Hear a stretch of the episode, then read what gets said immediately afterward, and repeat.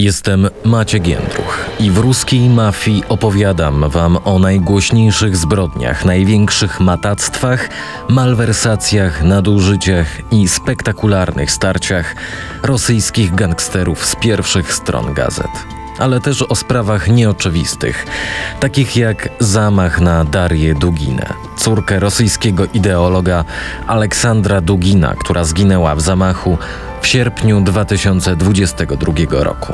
Czy miały z nim związek zorganizowane grupy przestępcze? Właśnie tej sprawie przyjrzę się w dzisiejszym odcinku Ruskiej Mafii. Zapraszam. Ruska mafia. Zielone światło od Putina. Kto zabił Darię Duginę? Sekwencja pierwsza. Tradycja i historia.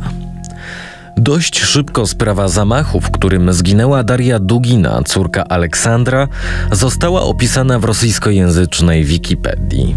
W sześciu niewielkich rozdziałach zatytułowanych kolejno Tożsamość ofiary, okoliczności zabójstwa, pożegnanie i pogrzeb, śledztwo, reakcja i wersje nieoficjalne. Opisano pokrótce całe zajście z soboty 20 sierpnia 2022 roku i kilka dni po nim.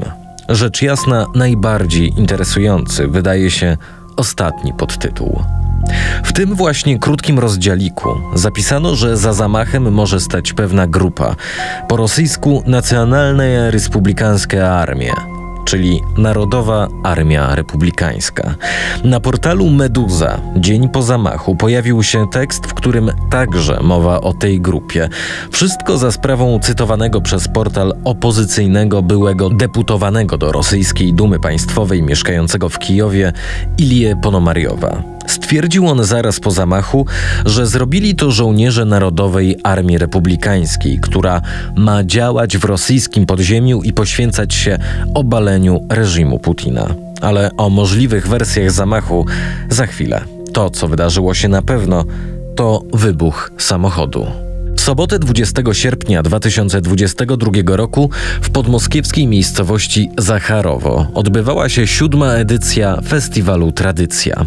W tym roku objęty był patronatem rosyjskiego Ministerstwa Kultury i Turystyki regionu moskiewskiego. Jego głównym organizatorem był Zachar Prilepin, rosyjski dziennikarz i pisarz, a także od 1996 roku aktywista partii narodowo-bolszewickiej.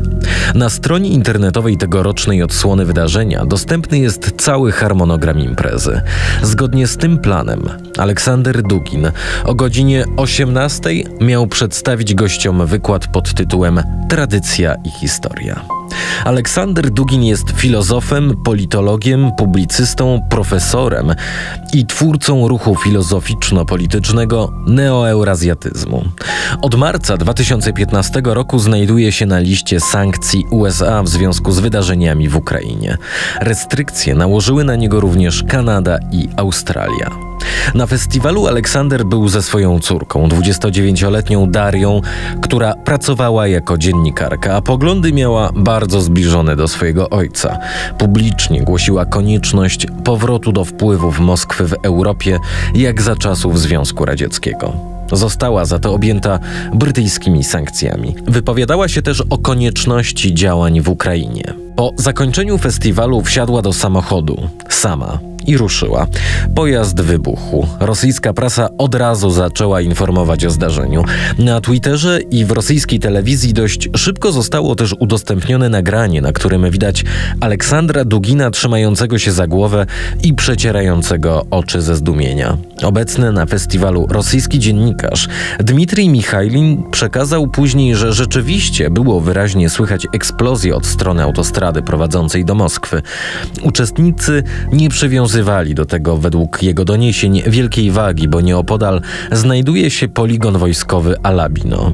Według rosyjskich służb do zamachu doszło około godziny 21. Komitet Śledczy Federacji Rosyjskiej podał w oficjalnym komunikacie taką informację.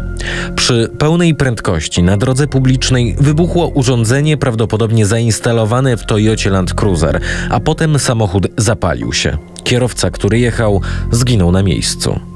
Kolejnego dnia media zaczęły się zastanawiać nad tym, kto zabił Darię Duginę i czy to ona rzeczywiście miała w tym zamachu zginąć. Sekwencja druga. Spekulacje.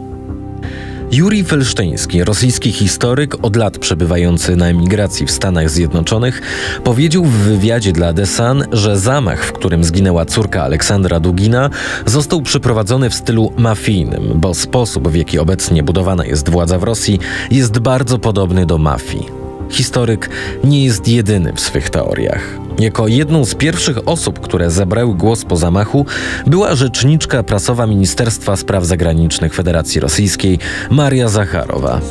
Ona od samego początku nie miała wątpliwości i o zamach oskarżyła ukraińskie służby specjalne. Zacharowa od samego rana, dzień po zamachu, mówiła o, jak to powiedziała, ukraińskim tropie. Powiedziała, że jeśli ta wersja się potwierdzi, to Kijów zostanie przez Kreml oskarżony o terroryzm. Ukraina oczywiście od razu zaprzeczyła swojemu udziałowi w tym zamachu. W rosyjskojęzycznej prasie dziennikarze i specjaliści komentowali całe zajście na różne sposoby. Trafiłem także na trop mafijny, tak jak to chociażby zauważył wspomniany przeze mnie Juri Felsztyński. W prasie pojawiały się hasła, że zabić Darię mogła rosyjska mafia, która ma kłopoty finansowe i naturalny interes w wywieraniu wpływu na Kreml poprzez zastraszanie. Spekulowano, że zamach mógł być zemstą za sankcje, odebranie majątku lub nieruchomości na Zachodzie. Inna wersja dotyczy rosyjskiego FSB. Jak zauważają specjaliści, mogło to być zrobione na zlecenie samego Putina, który jest do tego zdolny. Byłoby to stworzenie pretekstu do oskarżenia o to zabójstwo Ukrainę, co zresztą od razu próbowała zrobić Zacharowa, lub próba zohydzenia Zachodu do wojny i wsparcia dla Ukrainy. W niektórych mediach rosyjskojęzycznych, jak przeczytałem, pojawił się też wątek białoruski. Między innymi na portalu Eurasia Daily. Tamtejsze wojsko od pół roku nie zaczęło inwazji na zachodzie i północy Ukrainy. A czego oczekiwał Putin? Łukaszenka publicznie mówił, że nie widzi w tym sensu, przez co Putinowi może dziś zależeć na zmianie władzy w tym kraju. I wreszcie teoria związana ze zbuntowaną przeciwko Putinowi armią. Jak wspomniałem na początku, Ilja Ponomariow, były deputowany do rosyjskiej Dumy, poinformował, że zabójstwo Duginy było dziełem podziemnej grupy dywersantów walczących z reżimem Władimira Putina, a za zamachem stała Narodowa Armia Republikańska. Według jego wypowiedzi w mediach utrzymywał on kontakt z tą grupą, która zresztą rzeczywiście w social mediach przyznała się do zorganizowania tego zamachu. Ponomariow stwierdził, że armia spodziewała się, że w wysadzanym samochodzie znajdzie się nie tylko Daria Dugina, ale także jej ojciec, a data wysadzenia samochodu nie została wybrana przypadkowo. Dlaczego? Dokładnie rok wcześniej Aleksander Dugin napisał na swoim Twitterze: Co mnie nie zabije, zabije kogoś innego. Wersja z armią, o której mówił w mediach Ponomariow, jest jednak kwestionowana przez dziennikarzy i specjalistów. Agencja Reutersa poinformowała 22 sierpnia 2022 roku, że słowa Ponomariowa oraz sama kwestia istnienia takiej armii nie może być niezależnie zweryfikowane. Sekwencja trzecia. Oficjalna wersja. Tymczasem z każdym kolejnym dniem, mimo że oficjalnie śledztwo zostało zamknięte, a sprawa wyjaśniona, coraz mniej jasne jest, kto i w jakim celu miał zabić Darię Duginę. Wersji jest oczywiście wiele, przedstawiłem tylko niektóre z nich, a i tak z dnia na dzień ich liczba wzrasta, nawet teraz, ponad miesiąc od jej śmierci. Oczywiście najmniejszym zaufaniem cieszy się oficjalna wersja przedstawiona w błyskawicznym tempie przez Rosyjską Federalną Służbę Bezpieczeństwa. Sprawa zamachu na Darię Duginę została rozwiązana przez FSB w mniej niż 36 godzin. To bardzo szybko, biorąc pod uwagę, że niektóre sprawy, nawet takie związane bezpośrednio z Kremlem, nie mogą zostać rozwiązane przez lata. Jak to było? Już kilka dni po zajściu na stronie internetowej FSB pojawiła się informacja takiej treści. Federalna Służba Bezpieczeństwa Federacji Rosyjskiej w wyniku kompleksu pilnych działań operacyjno-rozpoznawczych rozwiązała sprawę morderstwa rosyjskiej dziennikarki Darii Duginy, urodzonej w 1992 roku. Ustalono, że zbrodnia została przygotowana i popełniona przez ukraińskie służby specjalne. Według rosyjskich służb trotyl pod samochodem Duginy podłożyła obywatelka Ukrainy, 43-letnia Natalia Pawłowna Wowk, która miała przyjechać do Rosji 23 lipca 2022 roku ze swoją córką Sofią Michajłowną, urodzoną w 2010. Jak przeczytałem w notatce FSB, Wowk, by przygotować się do zamachu i uzyskaniu informacji o Duginie, wynajęła mieszkanie w tym samym bloku w Moskwie. W dniu zamachu Wowk podobno była na festiwalu Tradycja.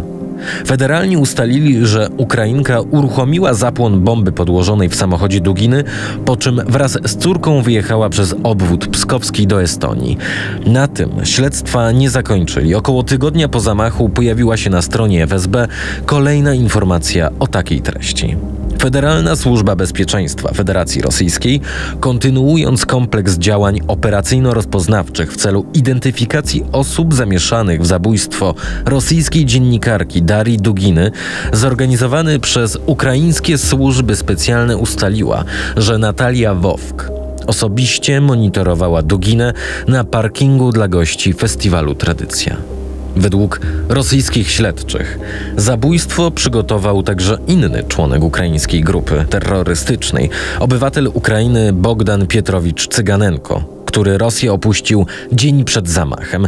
Miał on, według wersji FSB, dostarczyć Natalii Wowk fałszywe tablice rejestracyjne i dokumenty na nazwisko obywatelki Kazachstanu Julii Zajko, dzięki czemu bez problemu opuściła terytorium Rosji. Mniej więcej w tym czasie w rosyjskich mediach zaczęły pojawiać się informacje, że w Austrii znaleziono ciało zamordowanej Natalii Wowk.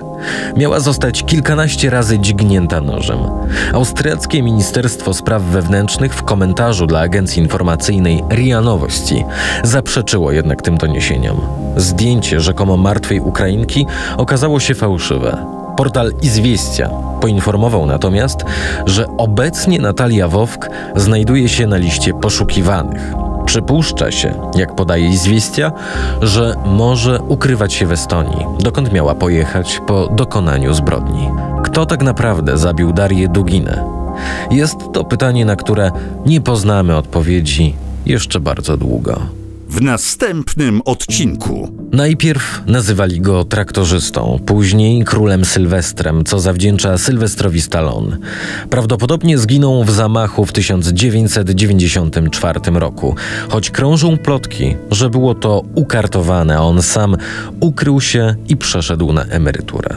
Sirioża Timofiejew to gangster, który stworzył sobie bandyckie Eldorado. W kolejnym odcinku podcastu wrócimy do brutalnych lat 90. Z tej strony Maciek Jędruch i zapraszam Was do słuchania ruskiej mafii w RMFFM.